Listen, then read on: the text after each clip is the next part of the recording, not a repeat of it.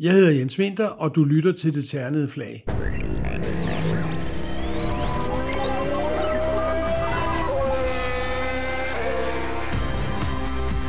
Velkommen til Det Ternede Flag, DASUS podcast om Formel 1 og dansk og international motorsport. Det Ternede Flag udgives i samarbejde med Dansk Metal. Jeg vil gerne byde en specielt velkommen til dig, øh, Jens Winter, og så vil jeg også sige øh, tillykke, fordi sidste efterår, efteråret 2021, blev du optaget i Motorsportens Hall of Fame på baggrund af din helt fantastiske karriere. Jeg har glædet mig til at skulle lave den her podcast med dig, fordi jeg ved, at du har en masse spændende at fortælle om. Du var Danmarks første kører på Le Mans, men du var også manden, som opfandt Roskilde Ring. Ja, det, øh, det, der skete jo det ved det, at modsat alle drenge, jeg har aldrig ville være brandmand eller flymekaniker eller noget, jeg ville være mekaniker. Og det var jeg jo så med hud og hår længe før jeg kom i lære. og så købte jeg en gammel motorcykel, og pillede selvfølgelig et stort stykke af skærmene af, og lygterne af og det hele. Og til sidst havde jeg jo sådan det, der lignede en racer. Og så siger jeg til min far, hvor kan jeg køre med den henne? Så siger han, jamen øh, hvis jeg var dig, ville jeg køre og spørge Tolstrup, der bor ude på Frederiksborgvej i en stor villa. Så ville jeg spørge ham, om jeg må køre i hans grusgrav. Og, og så tænkte jeg på, nå, så tog jeg en pæn tøj på og vand i håret, og så kørte jeg ud og banke på den der kæmpe hoveddør i Tolstrups hus. Og døren blev åbnet. Bong! Og så siger han, hvad skal du? Jeg skal spørge, om jeg må have lov at køre i deres grusgrav. Det må du gerne. Bang! I med døren igen. Så det var jo hurtigt overstået. Og jeg boede så tæt ved, så jeg kunne trække min motorcykel derud. Og så begyndte vi, jeg er jo sammen med en kammerat, at køre rundt i den der grusgrav, op og ned af skråningerne rundt. Men i bunden af grusgraven boede der en, en vi kaldte hende cigøjnerdamen, for hun boede i sådan en skurvogn. Og hun havde høns. Og de der høns var ikke ret gode øh, til at køre motocross, så de kavlede og fløj om ørerne på os. Og så pludselig en dag, vi var derude, så kom politiet, og så kunne jeg se, at Tolstrup, han stod op på skrænten, og så kom han ned, og så sagde han, hvad er der galt? Så sagde jeg, jamen, det, vi må ikke køre her for den dame. Ved du hvad, sagde han? Jeg har givet dig lov til at køre her. Du kan bare køre. Damen har ikke spurgt, om hun må være her, så det må hun selv om. Og så sagde politiet, undskyld, herr Tolstrup, og så gik de, og så kørte vi derude. Og så udviklede det sig til, at vores motorklub overtog jo banen, eller, og, og lave crossbanen, og hvad ved jeg. Og så pludselig så øh, så blev det til, at nu skulle der være en motorbane der. Så i, i hele Tolstrups liv, der fik jeg et par tukort til Roskilde Ring, selvom jeg jo var der i forvejen. Men det var en meget bestemt herre, så jeg tror ikke sige, at jeg ikke havde brug for det. Så det var sådan set starten på Roskilde Ring. Og der har jeg været til alle løb minus et, hvor jeg skulle til konversion i Jylland. Så jeg kunne slet ikke forstå, hvordan de kunne køre, når ikke jeg var der. Men altså, det var en virkelig, virkelig god oplevelse. Men du startede på motorcykler? Jeg startede på motorcykel, ja. Og, øh, og, men så, var jeg, da, så da jeg kom ind som soldat, så kom jeg tilbage igen. Så kunne jeg sgu ikke køre motocross mere, fordi armmusklerne, de var ligesom forsvundet. Og så, så begyndte jeg at køre motorcykel på Roskilde Ring. Og da jeg så var soldat, havde jeg jo ikke råd til at have en motorcykel, så der lånte R. Fisker mig en DKV Veltmeister. Og så kørte jeg på den. Og så har jeg i al den tid, jeg har været mekaniker, haft en god ven, der hed Gunnar Henriksen i Hedehusene. Og han, havde, han væltede på Roskilde Ring i 61, tror jeg det var, i, i sådan en midget Formel 3. Og der er sådan et berømt billede, hvor han har begge hænder på asfalten, og alle fire hjul i vejret, og landede alligevel på julen, så der skete ikke noget. Og så sagde han, nu kører jeg ikke mere, du må få den, på betingelse af, at du gør noget ved det. Og så fik jeg jo den i efteråret 61, og skruede jo på den hele vinteren, så den var jo ligesom ny. Og så øh, kørte vi så to løb, tror jeg, på Roskilde Ring, og og Aarhus Travbane og Korsgrobanen i Esbjerg, og jeg vandt dem alle sammen. Og så blev Robert altså også gal på mig, fordi nu har han været Danmarksmester i 12 gange, eller 13 gange i, i Midget, og nu kom jeg pludselig, og, og hans kone sagde, prøv at se, hvordan han ser ud, når han har kørt bag ved dig. Men det var der jo ikke noget at gøre ved. Så det år blev jeg så Danmarksmester i 62. Og samtidig da, der startede jeg min egen bil, øh, bilværksted, så jeg, jeg tog ikke mere, selvom det rigtig kriblede i fingrene på mig. Men så begyndte jeg at lave øh, Ford-bilerne, de der Cortinaer, så, for Obo Larsen. Og det havde jeg sgu meget glæde af. Jeg var i England med den ene motor og alt muligt. Så, så i, i 69, der kørte jeg Monte Carlo for første gang. Øh, I øvrigt, i, i 65 kørte jeg første gang, og det var i øvrigt sammen med Ubo Larsen. Og så kørte jeg i 69 for første gang sammen med min gamle ven Ebbe Lovs i en Datsun. Ja, det der med Rally Monte Carlo, hvorfor kom du lige pludselig i gang med det? Det var fordi, at når, når øh, hvad, hvad skulle man lave i vintersæsonen? Fordi det, baneløb startede jo øh, på, på hen af sommeren og sluttede hen af efteråret. Og så var der jo ikke noget at lave, så passede det, at man kunne nå at køre Monte Carlo løb, som jeg har kørt 13 af. Og i 77, der var vi op og det, man kalder Grace Kelly. For der vandt Ebbe og jeg, der vandt vi vores klasse, og var så op på slottet og få præmier. Det vender vi lige tilbage til. Men Rally Monte Carlo i 1965, hvordan foregik det? Det er jo markant anderledes fra ja, det Rally Monte Carlo, jamen, vi du, kender i dag. Du kunne, starte, du kunne starte i London, Warszawa, Oslo og Lissabon, tror jeg, og Frankfurt. Og vi valgte så at starte i... Første gang startede vi i Oslo, og, og ellers har vi startet i København, i Lyngby Centeret og på Rådhuspladsen. Så det har været, det har, det har været virkelig, virkelig sjovt. Og hvor mange kilometer taler vi om dengang? Jamen, øh, øh, der, jeg havde jo en god ven, øh, som vi spurgte mig om hjælp til hos Bjørn Valdegård. Og han fortalte alt, for vi er jo ikke, ligesom ikke konkurrenter til ham. Så han sagde, vi, Ebbe og jeg, vi skiftes til at køre to timer hver. Så han, det må I ikke. Du forlader ikke førerpladsen og han, han skal ikke forlade observationspladsen. Og så kører I det igennem først. Og det gjorde vi så. Altså regulær træning? Ja, vi kørte hjem fra nytårsmorgen, efter vi havde holdt nytårsaften sammen. Og så kørte vi hele Monte carlo igennem og lavede notater til højre og venstre og skrev noter på hastighedstapperne. Og det duede altså. Så det virkede godt. I 77, der var vi så vinder af klassen, som der var 40 biler i. Det var den største klasse, der var i Monte carlo -rallyet. Så det var en stor succes. Men det her med, med, øh, med rally, det, det var jo sådan noget, der kom lidt ind, øh, ja, hvad skal, hvad skal man sige, fra siden af, fordi du havde jo også en periode, hvor du stadigvæk kørte, eller genoptog baneløbet. Ja, men det er rigtigt, men, men det var ligesom om, når man kørte baneløb, så sagde man, Jyllandsringen og Djursandring, det var bare rundt og rundt og rundt og rundt og rundt. Og det, det, var måske, det synes jeg måske var lidt kedeligt. Så derfor begyndte jeg også at køre rally.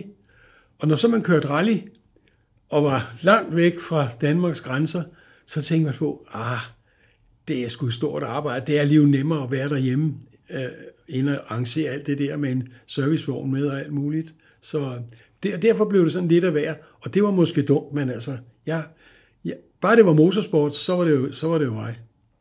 Og den første bil, det var en, en Ford, kan jeg forstå? Ja, det var en Ford Cortina, Mads den Åge kørte med på Roskilde Ring. Og, øhm, og der lavede vi en masse til Gunnar Henriksen. Så vi havde to hvide Cortina GT'er med, der var med rød strive på, og vi kørte. Og han kørte sammen med Kien Bertelsen, og, og jeg kørte med Åge. Og, og øhm, det år, der sned der 150 biler inde på Col Granier. Og det var ikke fordi, vi var amatører for Toivonen, der, der havde vundet det engang. Han holdt der altså også. Der faldt så meget sne, så vi kunne simpelthen ikke køre længere. Så alle de biler, de gik bare ud. For der gik jo over 30 minutter, inden vi kom i gang igen. Så det var bare ærgerligt. Og hvad var næste, øh, næste løb dernede? Det var så øh, i 69, der kørte vi i en Datsun, som jeg var forhandler af dengang. Og øh, der fik vi også opbrugt de 30 minutter, så det var ærgerligt. Og så i 70 og fremad, der kørte vi kun i BMW. Og så begyndte der altså at ske noget. Og øh, lige præcis BMW-mærket, det, det er jo mærke, jeg altid har forbundet dig med. Så ja. jeg var lidt overrasket over, da jeg fandt ud af, at, at de første Monte Carlo-starter, det var i henholdsvis Ford og, øh, og Datsun. Jo, men jeg blev så først BMW-forhandler i oktober 66. Så, og, og Nick Christiansen, der havde BMW-import dengang, havde også Datsun-import. Så det var stadigvæk i hans regi i virkeligheden. Så det var, det var starten på, på det hele. Og øh, BMW'en til at starte med, 2002, vel? Det, ja, det var så igen Gunnar Henriksen. Han havde en, en Snitzer 2002, som jeg i øvrigt havde passet for ham. Og øh, den sagde han, den skal du også have. Men den måtte jeg så give lidt penge for, men ikke ret meget. Det var, det var sgu faktisk billigt. Og den kørte jeg så med i 70, og blev to eller tre til DM, tror jeg. Og så i 71, der fik jeg sagt til, til Nick Christiansen i Kolding, sagde nu skal vi altså have sådan 3,0 CSI Coupé. Øhm, og sådan en var der til salg hos Nitzer. Men den skulle man ringe og sige ja til inden en tirsdag kl. 12. Og jeg ringede over til Nick og sagde, nu må du fandme ringe inden tirsdag kl. 12, fordi ellers så går den til Sydafrika. Så da klokken var et, ringede jeg over til ham og sagde, Nick, hvordan gik det? Nå, for fanden, det har han glemt. Så han ringede ned, der var den solgt til Sydafrika. Så fandt vi en temmelig smadret bil, hos, der stod hos Alpina i Buklo. Og så var vi nødt til at køre ned og købe den. Og øh, da jeg kom hjem med den, så siger min kone, hvad hukker jeg det? Den er, det, den er jo kropumulig. Men jeg havde en pladesmed, der hed Peter Hansen, og han sagde bare, den laver jeg. Og det gjorde han så. Og motoren var, den var så smadret, så motoren var røget ud af den. Så min gamle racermekaniker Svend Damborg, han lavede en ny motor. Og bortset fra det første løb på, på Dyrsen Ring, hvor vi havde lavet en fejl, så, så vandt jeg jo alt med den og blev også Danmarksmester 71. Den var jo rimelig suveræn i forhold til, til dine konkurrenters øh, biler. Jo, det ved jeg som ikke, om den var altså. Men øh, til Jyllandsringens Grand Prix, der, var, der havde de jo, Ford jo købt to eskorter til øh, Åge og til ja, Mette Kruse, tror jeg. Øh, men fordi så, nu, nu var de trætte af, at jeg vandt. Og det gjorde jeg så alligevel. Så fik han fat i Dieter Glemser. Ford fik fat i Dieter Glemser, der var europamester i sådan en 3 liter Capri. For, og så skulle han komme op, så skulle jeg få nogle tæsk. Øhm, og det fik jeg så ikke om lørdagen. Og så var, var, Øh, så var de over at kigge på, hvad dæk jeg havde på, og jeg havde nogle specielle Firestone-dæk på. Nå, så landede der så søndag formiddag en flyver på Djursnering med fire Firestone-dæk med til, som de satte på den der Capri. Men det blev det ikke bedre af. Så det var meget sjovt. Og, og, og jeg, havde, jeg havde jo i mange år haft import af bilsteinstøddæmper til Danmark, og de, og de der glemte sig var sponsoreret af Bilstein, hvor stod på hans køredragt. Så når jeg var i Tyskland, så kørte jeg jo ned og sagde goddag til direktør Emte hos Bilstein, og så sagde jeg i øvrigt, så har jeg lige øh, kørt fra de der glemte sig. Og nej, nej, nej, sagde han, så han har, han har aldrig været i Danmark. Men så havde jeg jo heldigvis et billede med, hvor vi stod på skamlen, hvor jeg stod på etteren, og han stod på toeren. Så sagde han, det skal jeg drille ham med, fordi han siger, at han aldrig har været i Danmark at køre. Og det var måske meget sjovt, at han ikke skulle røbe det. Men, var, var det kun øh, her i Danmark, at du øh, kørte med den der? Der kørte jeg også på øh, Dipholds flyveplads, for jeg havde en rallyven, der boede øh, nede ved Dipols, og han sagde, kom ned og kør race hos mig. Og det var jeg så. Og der blev jeg så nummer to efter Jørgen Mars, også i sådan en 3 liters Capri. Ham kunne jeg sgu ikke ordne, men vi var de eneste to, der var på omgangshøjde. Og så siger løbsledelsen dernede, kan du ikke skaffe nogle andre danskere med herned, fordi ja, jamen det skal jeg da nok prøve. Så fik jeg fat i øh, Leif, Leif Petersen. Så kom han med derned, og, og en dansker mere, Geo Hansen øh, fra Horsens. Ja, formanden fra Horsens. Ja, ja, ja. Lige præcis. De to kom med derned, og de vandt så hver deres klasse. Så de kan jo ikke sige, at, øh, at vi ikke gjorde noget ved det. Og jeg gjorde så igen, fordi der havde jeg jo fået den der af, af den der øh, gruppe 5, øh, som jeg har købt af, af, af Preben Christoffersen. Ja, senere. Ja. ja. Og den havde jeg, havde jeg, motoren så, den var, ikke, den var ikke så god. Den havde jeg øh, nede og fik lavet på fabrikken, og så kørte den bare. Så det, der vandt vi alle, alle tre danskere vandt og fik sådan en flot krans med hjem. Så det var meget sjovt. Men hvor længe blev du ved med at køre BMW, øh, den der øh, 3 liters øh, coupé? Den kørte jeg kun i i 72 også. Og så holdt jeg pause et stykke tid, hvor vi kun kørte rally. Men det var så også... Jeg kørte 100.000 km i 77, kun i rallybilen. Med startede med Monte Carlo løb og, og 1000 søer i Finland, og RC rally i England, og Akropolis rally i maj. Og så Tour derop. Så det var sgu... Der fik vi virkelig rørt os. Det var altså fire VM-løb på, på en sæson? Ja, som dansk amatørkører. Ja.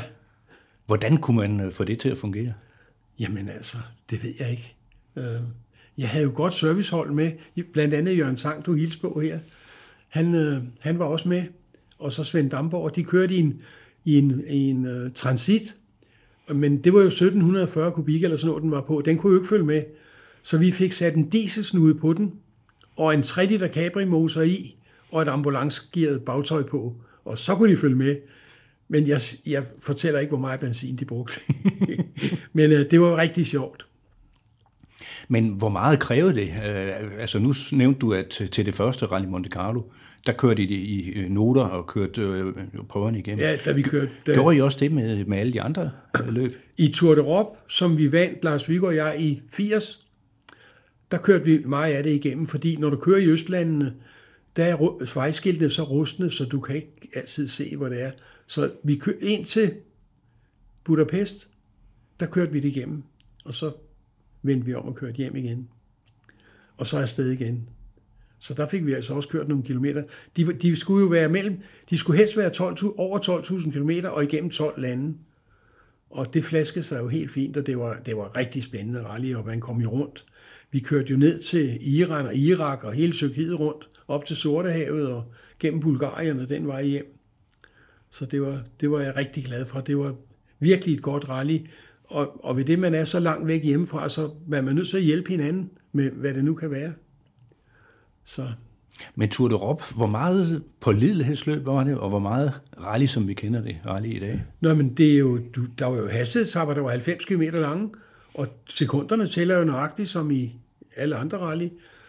Og problemet var bare, at uh, i Tyrkiet og i, i uh, de lande der, der kunne du ikke spære vejen af. Altså, så bedst som man kom bragen ud af med små 200 på en grusvej, så kørte der sådan en, en kære med et æsel foran, og uden baglys på om natten selvfølgelig, så det var, det var, det var lidt farligt. Men I kom igennem? Vi kom igennem. Men springer vi så lige tilbage til, øh, til banesporten, fordi øh, i 74, øh, der køber du der jo en helt ny racerbil, en Formel Ford. Det er rigtigt, ja. Der, der synes BMW, at, vi, at nu skulle vi nok lige holde en pause. Så øh, John Nielsen, Henrik Spillerberg og Lars Viggo og jeg, vi købte sådan en Fandime hver. Hvorfor fik I den idé? Jamen, øh, jeg ved det ikke. Det var fordi, at for det første er det nemt at transportere, og det koster ikke ret meget at holde den ved lige. Og vi var jo rundt omkring i verden med den også. Øh, vi var på Solter, og, vi, og det var faktisk sjov. Men øh, den kørte vi Jeg tror, vi kørte i den i to år. Og så, så gik der så et stykke tid, hvor jeg, jeg kan sgu ikke huske, hvad vi kørte i dag. Men så fik jeg jo Loginik til at, at investere i sådan en M1. Ja, du havde jo også nogle øh, år, hvor du kørte Porsche. Ja, det er rigtigt. Det er rigtigt. I 76 købte jeg Preben Christoffersens Porsche, og, og det var jo sådan en træt 2,2 liter, der ikke kunne nå mere, anden der stod småkager på den hele vejen rundt. Og den øh, by, købte jeg et helt sæt, snude og bagende og vinger og brede skærme og alt muligt. Og så fandt jeg en øh, RSR-motor, en 3 liters RSR-motor, som øh, var toppen dengang. Og den motor var skilt ad i atomer.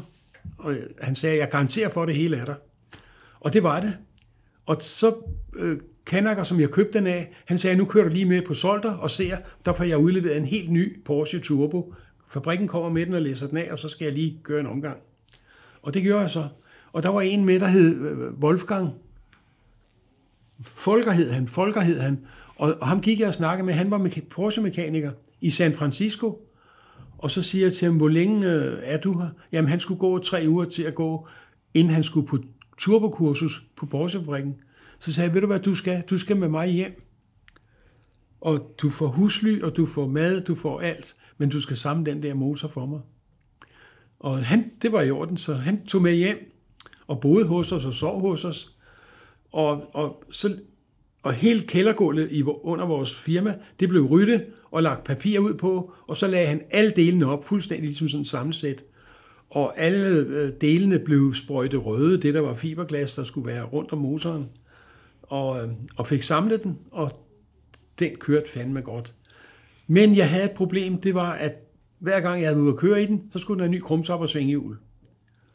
Og i, øh, på Porsche-fabrikken, der er der en kunde, reservedelschef, der hed Frau Beer. Og når hun først har fået stilnummeret på motoren, så vil hun ikke sige mere. Når man ringer og bestiller nogle varer, så kommer der nogle mere med, end man har bestilt, fordi hun ved, at når man skal skifte det, så skal man også bruge det. Og hun var rigtig skarp dame. Og da jeg bestilte krumtap nummer 3, der sagde hun, der var et eller andet galt. Nu må du, nu må du skulle lige tage dig sammen. Så kørte jeg ind til Hans Brun inde på Teknologisk Fabrik, Teknologisk Institut, og der kørte vi den på rullefelt. Og når omdrejningstælleren stod på 7.000, som man måtte køre til på hans ur på væggen, øh, det var, der stod min kun på 6. Så når jeg kørte 8, så, så, så var det jo alt vildt overdrej, og det var det, den ikke kunne tåle. Så, så fik jeg en ny omdrejningstæller, og så holdt det selvfølgelig op. Så den kørte vi så i en sæson. Så solgte jeg den til Poulsen på Fyn, over på Fyn, og så fik han den. Og så tror jeg, Vestergaard i Esbjerg arvede den til jordbaneløb. Og så var det, at jeg fik lukket Niels øh, Nick til at investere i, i Eckenbergers BMW M1, som vi var nede og hente og kørte hjem med. Og det, det, det, jeg tog fejl af, det var, at når man kommer fra Schweiz, så skal man altså betale 12. Så det måtte jeg skulle selv betale.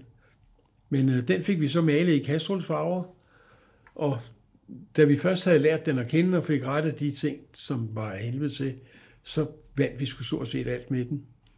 Og, og vi vandt så meget, så Lars Tejlgaard, min mekaniker, sagde, ved du hvad, hver gang vi kører hjemmefra, ved jo, hvad det ender med. Kan, kan du ikke finde på noget andet? Og så var det, vi fandt på, at øh, der var en UAD til salg hos Ernst Unger, og der kunne den emitmuser være i. For David Mercer, som var tandlæge i London, som vidste alt om race, han var hos alle mulige Lola og alle de der over, men de er jo til en kort ved 8 moser. Så der, der kunne ikke være en emitmoser i nogen af dem, så vi havde kun det skud i bøssen. Så min søn var, og min mekaniker, de var nede og hente den nede i, øh, i, hvor han hørte til. Og jeg havde jo to motorer derhjemme, så det skulle vi bare have gjort klar. Men I havde jo også et, øh, et ganske specielt uh, transportmiddel til, til, til de her racerbiler, som du brugte i den periode. Ja, vi startede selvfølgelig med at have en trailer. Men da vi fik M1'eren, så blev vi enige om, at den skal altså ikke stå på en trailer. Så vi var i Silkeborg hos en kæmpe rutbilforhandler, brugt, brugtforhandler. Og der fandt vi en, vi skulle jo også have en, hvor motoren var foran, for den skulle slæves op bagfra. Så vi kunne ikke have en, der skulle over motoren bag i. Så vi fandt så en gammel tjerperbus fra 65 med motoren foran, og den kørte vi hjem og øh, skar bagenden af på og lave ramper og det hele, og så et spil. Og, og de der mekanikere, jeg havde med, plus min søn, de sagde også, hvis nu du selv skulle have hævet den op, så havde vi fået et elektrisk spil hurtigt. For de stod jo og skiftede til at trække, og det var jo lidt tung. Men den fik vi op på plads, og så havde vi lavet så smart, så bagenden, den kunne vi hægte på igen. Så ingen kunne se, hvordan den kom derind. Så når vi holdt på restepladserne ned igennem de forskellige lande, så gik der sådan en fædre rundt med drengen i hånden, og så skulle faren fortælle, hvordan den var kommet derind. Det, det havde vi meget sjov ud af. Den bus kørte vi 100.000 km med til Le Mans og Monza og Mugello og Imola og jamen alt vejen. Og der boede min kone og mig foran, og når vi havde fået læse raceren af og sat ud i teltet på den ene side, så så mekanikerne inde bag i. Det var, det var virkelig sjovt, for vi havde ikke råd til at tage på hotel. Vi var nødt til at bruge pengene på raceren. Så min kone havde et 1 plus gasapparat, som hun lavede mad til, til os alle sammen på. Og hvor mange øh, var I så, når I tog afsted? Jamen, vi, der var to mekanikere, og så skulle der være tre til at fylde benzin på til de der VM-løb, fordi den ene, de, de måtte kun fylde benzin på, de to, og så skulle der være en tredje, der stod med ildslukkeren. Så vi var, altså, men de, dem, der gerne ville med, det sagde, I må selv se om at komme derned, og I må selv have talt med det hele. Så, og der havde vi nogle rigtig gode gutter med, som var med det ene år efter det andet. Og det var så, øh, hvad skal man sige, VM-serien ja. øh, i 1982, du ja. begyndte at køre. Ja. Øh, og I kom jo rundt i mange lande, ja, primært var, Europa. Ja, vi var også i Sydafrika på Kyalami, og der, der vandt vi også nede. Men der tog vi vel ikke bussen? Nej, der tog vi ikke bussen. Der kørte vi til Bremerhaven, og så røg den ind i en container med ekstra motor, ekstra gearkasse, 16 hjul, tør og regn, og det blev pakket ind. Og der må jeg skulle tage hatten af for de der havnearbejdere. Det var bare så professionelt, fordi der var jo ikke noget, der måtte røre sig. Hvis det, hvis det vugger i en måned undervejs til Durban, så slider det sig jo løs. Det var så perfekt gjort. Så da vi kom til med flyver, der stod den ud for min pit, og så kom der en toller og sagde, at det der din? Ja, det er det. Så klipper han plump med og lukker op, og så stod vores dejlige bil der. Det var rigtig sjovt. Og hvordan var det så at køre i, i Sydafrika? Det var jo det var mens der stadigvæk var apartheid. Ja, og ved du hvad, vi mærker det ikke. Da vi havde vundet, så havde direktøren for Kyrlami, han havde inviteret os hjem til en fest om aftenen, og øh, i hans have, og så englænderne er jo fantastiske at være sammen med, så de begyndte lige pludselig at slå i bordet. Og Speech, Derek Speech, og han havde, Derek Bell havde vundet sammen med Belloff, og så måtte han jo op og stå og holde en tale, og han sagde, ja, når man bliver gammel, så får man normalt en stok. Nu har jeg fået Stefan Belloff i stedet for. Og så griner alle jo meget af det. Han var rigtig god til det, Derek Bell. Så det, havde, det var en succes ud over alle grænser. Bortset fra varmen. Hvordan klarede man det dengang? Jamen altså, du, du, solen stod så lodret, så du kunne ikke lave skygge. Det stod lige ned i hovedet på en. Så øh, jamen det var, det var, det var utroligt, men altså, det var så spændende, så det var helt vildt. Og der var Hans Christian Jørgensen fra Flensborg jo med, også i en meter. Og ham har jeg jo kendt altid, vi har kørt sammen altid. Og han øh, slævede bilen til Afrika og det hele. Det vi ikke vidste, det var, at man skulle køre to timer i mørk. Fordi det bliver bare mørkt. Sådan, der er ikke noget med tusmørk. Så vi skulle pludselig have lygter på. Så vi var nede og købe to store Bosch-projektører, som vi borede på og satte på vores, og strøm til. Og imens var der lader på batteriet. Det havde Hans Christian glemt. Så de satte lygter på, lyset tændt, justerede dem og gjorde ved. Næste dag, der holdt vi ude på målstregen, og så Gentleman Start Your Indian, ikke? Og det gjorde vi så. Han sagde bare, Åh, så var der ikke mere strøm. Så kunne han pakke hele motorvitten sammen og tage med hjem igen. Det, det, det var sgu synd. Du fortsætter så med BMW'en i øh, 1983. Ja, der, og... der blev vi faktisk europamester. Og der var vi i Paris øh, på, øh, hvad hedder det, øh, det der flotte palæ, de har dernede på Concordpladsen. Og der var sådan en stor pokal, som jeg skulle have. Og du øh, viser med dine fingre her sådan noget med 30 cm. Ja, i hvert fald. Ja. Og så, men Dieter Stabbert, der var racerchef for Porsche, han gik derop og fik den.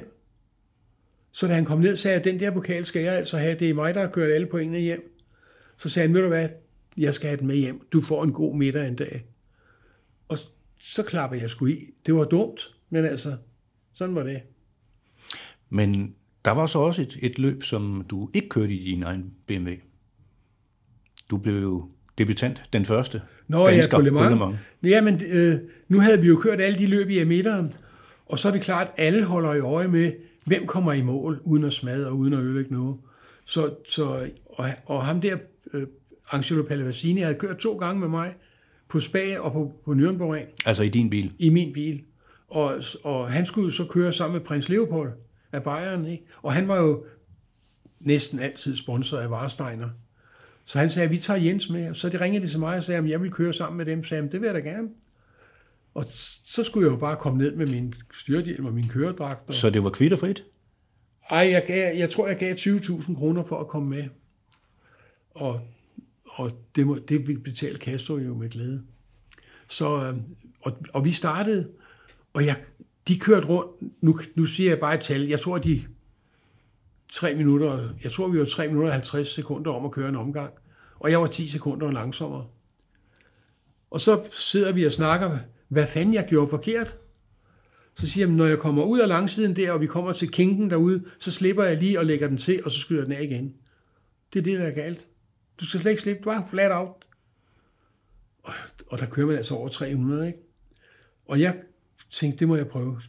Træning igen. Og jeg, over i venstre side skar ind til højre, og over til autoværende i venstre side, når man går ud, ikke? Og jeg kunne ikke lade være at slippe speederen. Jeg, altså, til sidst tænkte jeg på, nej, jeg gider sgu ikke være sådan en tøgestreng, så jeg prøvede det. Lige med det samme, så var tiden der ligesom deres. Fordi hvis du slipper speederen, den ende af, af langsiden er jo lidt opad. Der var John Nielsen, han slog en publikflak. Og øhm, så der tager den altså lidt pust. Og det var, det var nok. Så, så kørte vi lige pludselig stort set ensartet tider. Og så startede vi øh, løbet, og de kørte som død og helvede. Og der er kun én problem med det emitteren, det er, du må ikke køre 7.400 omdrejninger længere tid, så knækker krumtappen. Det er egensvingningstallet, det er, altså, det er enten over eller under, men det kan man give den til. Så det havde vi fået gjort. Og så en anden ting, det var, at når du kommer ud af de der sving, øh, og du sætter den ned i gear, og ikke giver mellemgas, så slipper du koblingen, og så baghjulene, øh, de slæver lige en gang. Og det trækker så meget i de der 8 mm bolt, der er så lange øh, i gearkassen. Og når de bliver trukket længere og længere, så skal man hver gang man kommer ind og spænde de der møtrikker efter. Men til sidst, så er der altså ikke mere gevind i de der støtbold. Og så begynder der at drøbe olie ud på lydbotten, og det gjorde der halv syv om morgenen. Og der havde jeg sagt til dem, vi var 10 minutter foran, da der var gået 2-3 timer, så jeg lad os nu holde det tempo, og lade være at køre så stærkt, og give, give mellemgas, Vam, når man giver ned, ikke? Det kunne de ikke finde ud af. Så vi holdt op, jeg tror, den var halv syv om morgenen. Men der tyskerne der, der var med, det der professionelle team, de havde en ny gearkasse, som der var lagt et tæppe over. Og den kom jo nærmere og nærmere. Og der var jo en kontrollant, der stod og sagde, no, no, no, fini. Så det var ærgerligt. Så der tog vi hjem. Og så blev vi enige om, året efter gør vi det med min egen. Det virker. Og der var du jo så selv i den situation, at du så skulle til at, at vælge øh, din trio. Jamen, jeg havde Lars Viggo og, og David Mercer havde jeg jo kørt med eller, mange gange. Og, og det, de var så også med dengang. Men et eller andet, jeg kan ikke huske, hvad klokken var på døgnet, der, der, der var den kun stabil, når man trådte på bremsen. Og det var fordi, at der klemte skive, øh, klodserne på skiven, for der var forårsleje gået, så der vaklede den jo. Så vi var nødt til at holde op. Jeg havde ikke sådan. Det, er, det er helt, på en emitter, der, der, der er det ikke bare leje, man skal skifte, det er hele oprejden. Og, og det havde vi ikke med. Så der holdt vi op. Og så i 85... Ja, men sidst på sæsonen, der sker der jo også noget. Du øh, parkerer jo din emitter og køber netop den her UAD.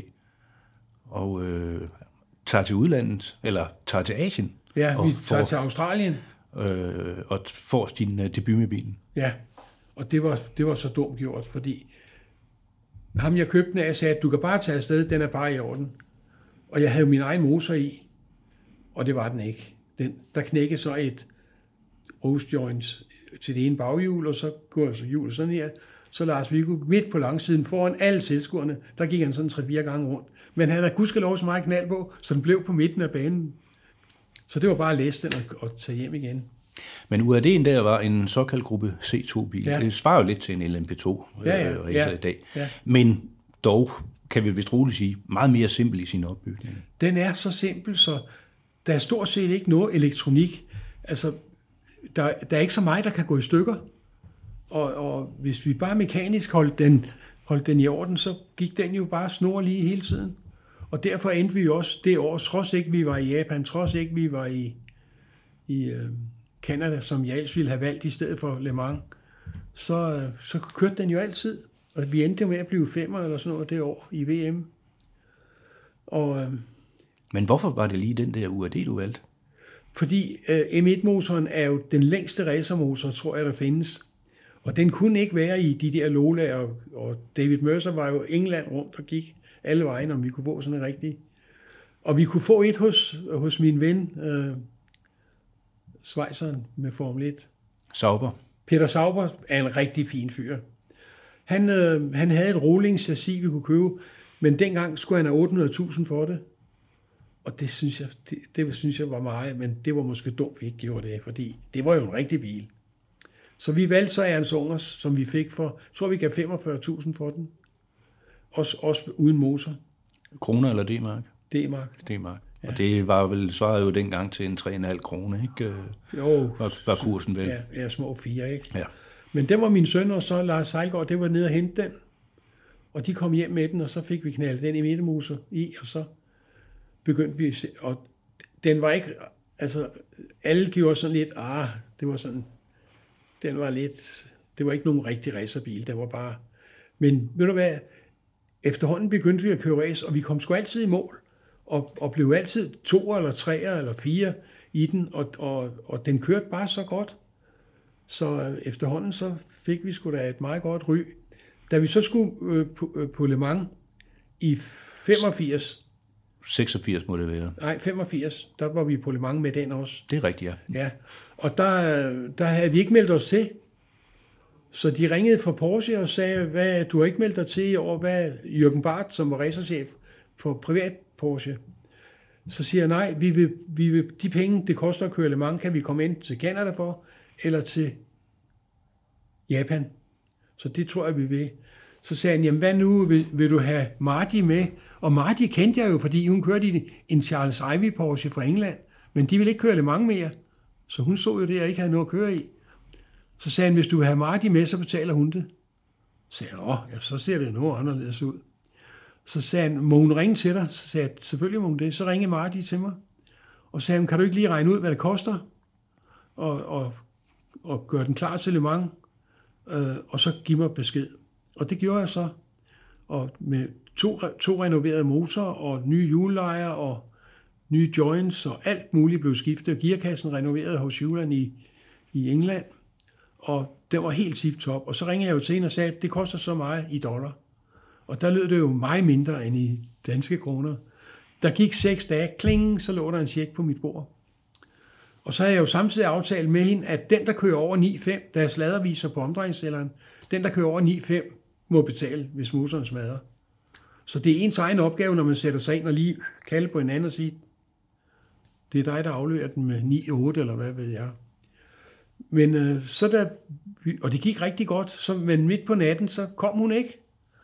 Og vi var ude at se, fordi dengang, der, når der skete noget, så brændte det 100 meter op i luften. Og vi kunne sgu ikke se nogen flammer nogen steder, men så der var gået 5 minutter, så kom hun med 30 km fart op ad pitlanen og stoppede 50 meter før os. Og så var vi jo ned og skubbede den op til os, op med bagklappen og lys med lommelygten. Der var faktisk ingen steder i motoren, der ikke var huller. Jamen, den var bare smadret rigtigt. Og så stod omdrejningstælleren på 12,8. Og det kan hun ikke, fordi når man kører op i gear, så siger den bop, bop, bop, når den når begrænseren. Men hun var jo røget ind i op mod Mulsanne Corner, der var hun jo kommet sammen med flere andre biler, med de der 310, som den kunne gå. Og så begynder hun at gear ned, og så kommer hun i gear foran og slipper koblingen, og så drejer baghjulene motoren over. Ikke? Så hun sad i bilen og græd, da hun kom ind, og sagde, nej, nu har jeg ødelagt det for jer. Så jeg glemte, der er jo ikke noget at gøre ved det. Og motoren ud og sendt til München, og kom tilbage igen, og det kostede 36.000 D-mark at lave motoren. Og den regning sendte jeg så til Kalifornien, San Diego, hvor hun boede. Lige med det samme kom der en check. Så hun er en god pige.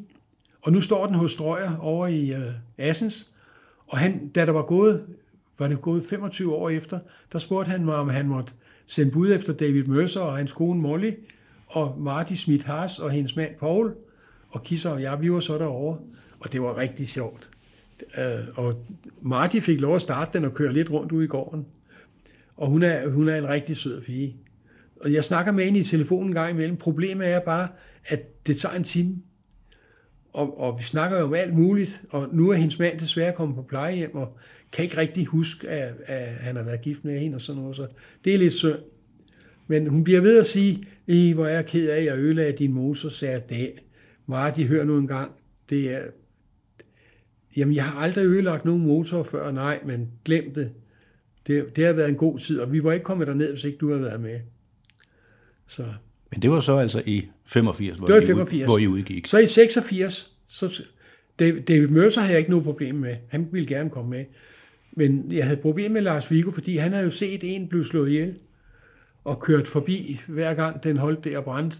Så han sagde, det vil jeg ikke mere, og nu har jeg også en dreng på et år. Så sagde jeg, hør nu en gang, jeg har kørt i 30 år, og jeg, så nu kommer du da ikke til at opleve mere. Så jeg fik lukket ham med, og han kanon kører, ødelægger ikke noget og kommer der ud af.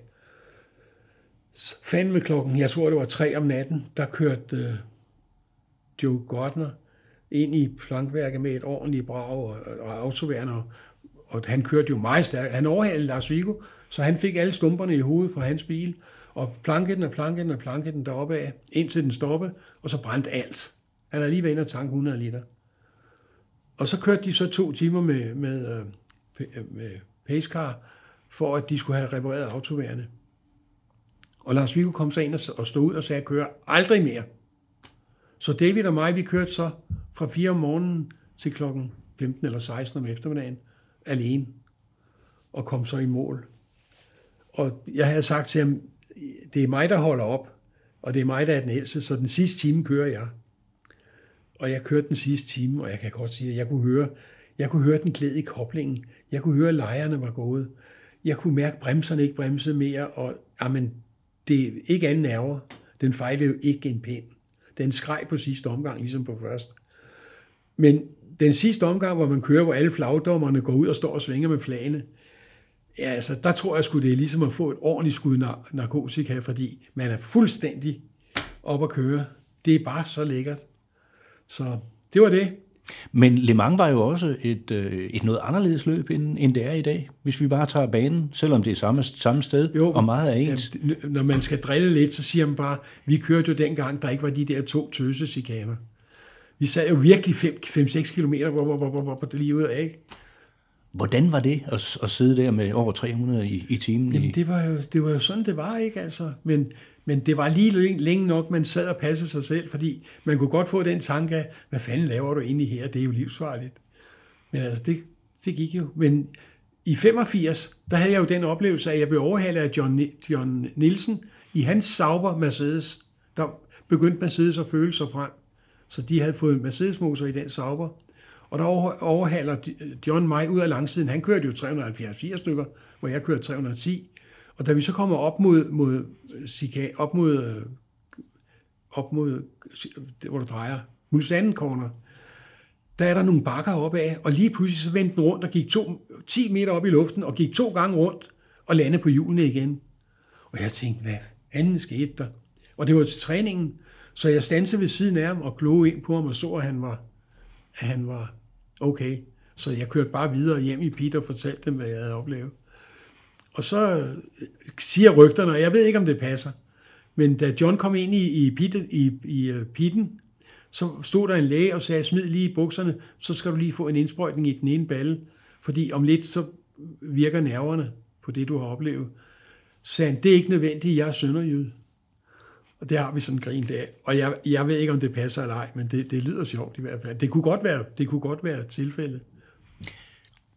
Tag bare en kop.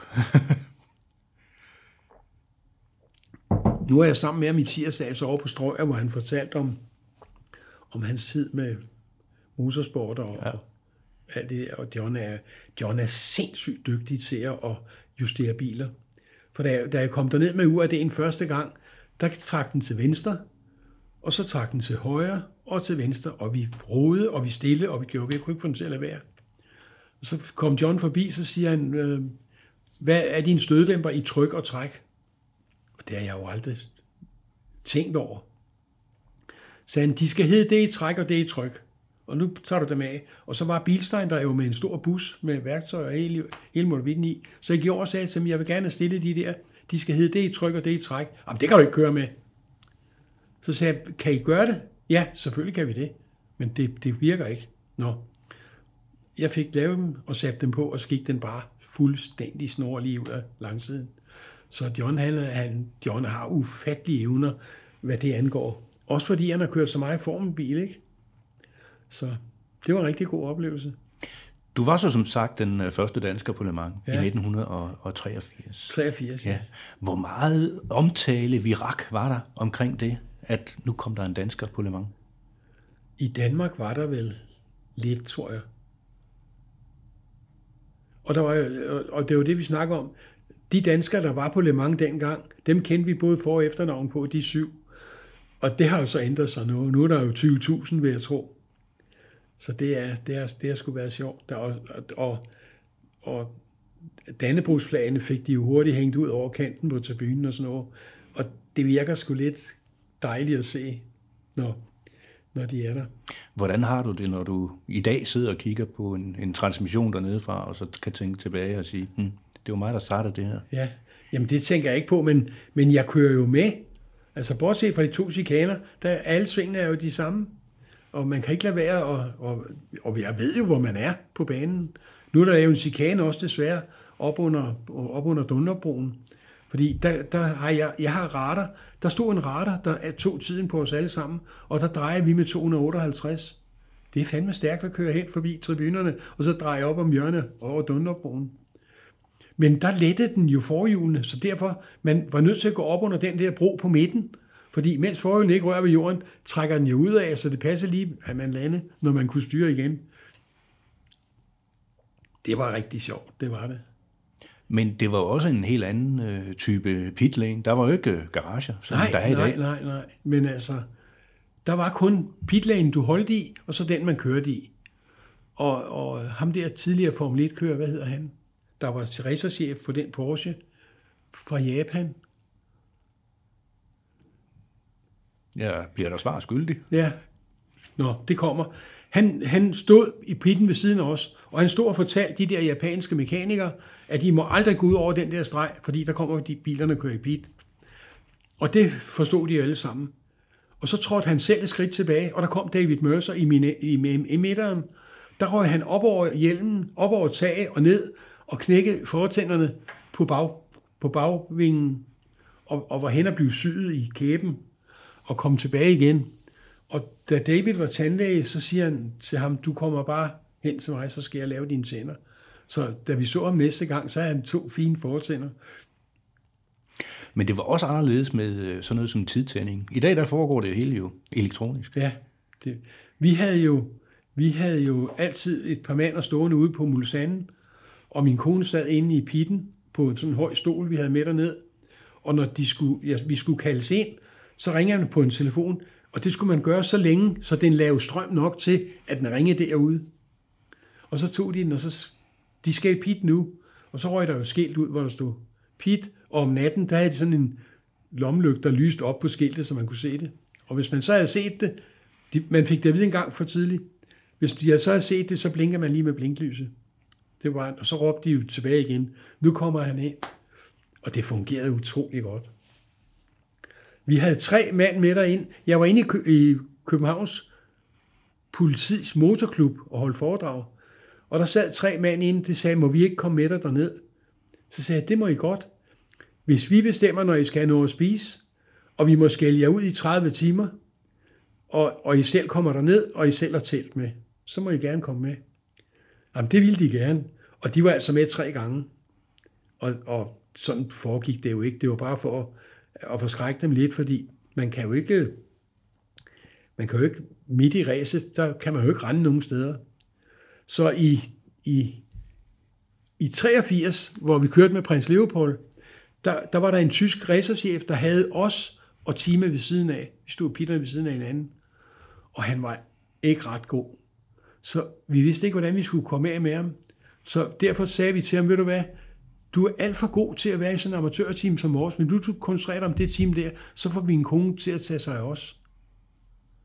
Og det blev han sgu lidt stolt af, så han blev derinde. Og så min kone, hun kaldte jo på prins Leopold, og sagde, hvis du skal på toilettet og tisse, så siger du det til mig. Du går ikke herfra uden at sige det. Jawohl, og, og det samme til Angelo, som var lidt festlig abe. Fordi vi, vi, vi vidste jo ikke, hvornår vi kom ind. Altså, du kunne have fået krampe i det ene ben eller et eller andet. Så der skulle altid være en chauffør klar, ikke? Og det var sgu meget sjovt, at det styrede hun med hård hånd. Og hvad med sådan noget som benzin på fyldning? Der havde vi de, de tre, der var med. Det var, den ene fyldte benzin, der havde man jo en mand i hver side, og så en med ildslukker. Det var, det, det var deres job. Og de havde sådan et skilt på ryggen, hvor der stod E, essence, og den anden ildslukker. Så det, det klarede de fint. Det var rigtig godt. og så lang tid det kører, så er det jo utroligt. Man bliver ikke træt eller noget. Som de andre gange, hvor man midt om natten går ud og skal til at pakke sammen. Det er der altså ikke meget grin med. Hvad har været den største Le Mans-oplevelse for dig? Jamen altså, den første gang var, var en god oplevelse, men da vi kørte over stregen med vores egen bil til sidst, det var, det var sgu en god oplevelse. Det var det. Men var du efter tre gange, hvor vi var udgået, øh, sådan ved at være inde i den der, hvor man siger, okay, jeg gennemfører aldrig. Nå, men Hans Heyer, han har været med 18 gange, han har aldrig kommet i mål. Og han havde, det var altså professionelt team, han kørte i. Så altså, der skal sgu lidt held til. Du fortsætter så resten af, af sæsonen med bilen? Der, der kørte vi sæsonen færdig, og det sidste løb var på spag. Og der blev bilerne kørt ud og sat på startstregen, og, og så skulle vi stå der en halv time inden starten gik. Så da jeg kom ud til min, så stod der en stor lavkage op på taget, og så så der goodbye from all the teams. Og så var jeg nødt til at holde op, så kunne jeg jo ikke så godt komme igen, vel? Så det var, det var, det har været en rigtig, rigtig god oplevelse. Og jeg har fået, vi har fået utrolig hjælp fra højre og venstre og alle mulige. Så det var, det var sjovt. Hvad skete der så med bilen? Så solgte jeg den til, øh, hvad hedder han i vejen? Øh, Søren Sørensen? Søren Sørensen, han kom og, og købte den. Men du beholdt den selv stående derhjemme? Den stod i 30 år i min kælder. Og da så Søren Sørensen kom og sagde, at den vil jeg købe, så sagde jeg, det kan du godt, men på en betingelse, hvis den skal ud af Danmark, vil jeg have den tilbage igen. Jamen det, det skulle jeg nok gøre. Og et hædersmand, som han jo er, så ringer han til mig og siger, må jeg sælge den til Strøger? Ja, det må du gerne, fordi et bedre sted kan den nok ikke stå. Nej, og netop øh, på øh, Strøger Tejls øh, ja, fantastiske veteranbilmuseum, Ja, er, der, der står den, og jeg må være ærlig indrømme, det, for, for mig er det stjernen. for mig er øh, indrømme, det er da godt, at kan, vi kan klippe det her, så det ikke er live. ja. Ja, og den står jo i dag på øh, Strøgers øh, museum ved Ja. øh, Assens, og, Og jeg Strø- vil opfordre folk til, at, øh, når de er på, i, på omegnen, og der er åbent der, jamen kig forbi og, og se den, fordi... Jamen øh, jeg siger til alle, det er forbudt ikke at se den. Ja, Fordi Strøgers Museum er hyggeligt. Der, der er ikke så meget guld og marmor. Det er bare en flot udstilling og flotte biler. Og der er hyggeligt at være, og alle må gå rundt, hvor de vil. Og i det hele taget en dejlig fyr. Han har jo så kørt i den to gange til det der løb i Aarhus. Og jeg har sagt til ham, du kører ikke over 5.000 omdrejninger, fordi motorens brændetid er 30 timer. Og nu er den jo gået 40 snart. Nej, men jeg kører kun, jeg kører kun til 5. og han går heller ikke af vejen for lige at starte den, når der, Nej, er, når der altså- er gæster. Jamen, jeg, jeg var derovre sidste tirsdag, og så siger han, skal vi ikke, hvor John holdt foredrag? Var du der da? Nå, og så var der så en halv times pause, hvor folk kunne få noget at drikke og en kop kaffe. Så siger han, skal vi ikke lige starte den? Og det har jeg her på telefonen. Og så siger jeg, nej, det er synd. Nej, den skal startes. Og ham ind i den, og starte den. Og, og så kan jeg godt lide, at den går så længe, så der er olietryk hele vejen rundt. Men det, det har han ikke altid tid at vente på, så den får jo wam, wam, og det er jo en skøn lyd. I, alle, kørt, alle, der kørte Le Mans, de havde en rød og en blå lampe på taget, så om natten kunne, de gen, kunne mekanikere genkende, det var deres bil, der kørte forbi. Det var ikke nødvendigt ved denne her, for de kunne høre det længe inden vi kom. Så vi har ikke noget kende, kende, kendetegn på den. Du stoppede der i 86 øh, efter sæsonen. Ja, har, jeg var- har du aldrig haft lyst til at, Jo, at jeg var en tilbage? gang, P- min gode ven Per G.H., som også har et flot bilmuseum, han, han, han sagde, jeg skal altså prøve at køre et andet sted end i Danmark. Så sagde han, vil du være inden jeg sælger bussen?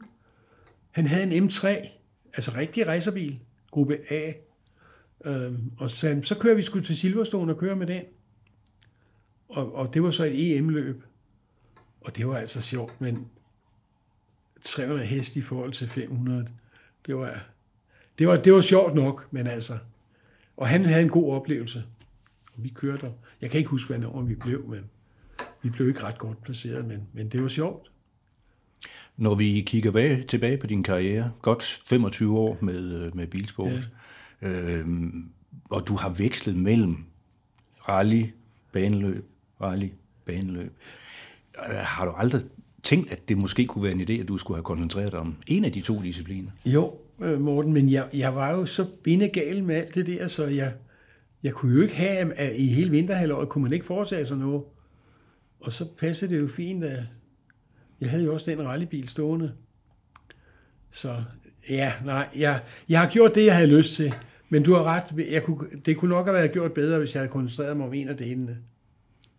Men har mødt mange dejlige mennesker. Jeg, der kommer stadigvæk bekendte, vi mødte i Australien og, og i Sydafrika, og mange tyskere, tyske venner. Og det, det, det, har været, det har været en kanon oplevelse. Hvad har alt i alt været den største motorsportsoplevelse? Jamen, det, det, er, det er sgu nok Le Mans. Det tror jeg. Det er, det er et specielt sted. Ved du hvad, når der er fodboldkamp i København med 30.000 tilskuere, og der sker et eller andet, så smadrer de alt, når de kommer ud, og de drikker, og de smider flasker og romerlys og alt muligt, og der holder halvanden og betjent med blå blink. På Le Mans, der er 250.000 mennesker, der sker aldrig noget. Det foregår stille og roligt. Og det er ikke fordi, de på campingpladserne ikke drikker en bajer en gang imellem, men der sker ikke noget. Altså, det er sgu dejligt. Hvis, hvis, det, hvis der virkelig skulle have landet betjente og blot blink til hver motorløb, så tror jeg, det blev forbudt. Men det kan man, når det er fodbold. Det har været hyggeligt at øh, snakke med dig, Ja. øh, Jens, og fortælle om din lange, gloværdige karriere, Ja, tak. dine øh, højdepunkter og dine øh, minder. Endnu en gang så vil jeg øh, sige tak, fordi du tog dig tid. Det har taget lang tid for, for den her aftale Ja, i stand, det, det det. fordi øh, selvom du er passeret de øh, 82, så... Øh, 83. 83, ja. Ja. Så er du en travl herre, der flyver ja. og farer til Ja, ja, det ene og det andet. Ja. Men endnu en gang tillykke med Jo. din øh, indlemmelse i øh, motorsportens øh, Hall of Fame. Jo, og tak fordi, at jeg måtte få lov at blive det. Det var en stor ære, og det har jeg slet ikke ventet. Men jeg, det er glad for. Tak for det.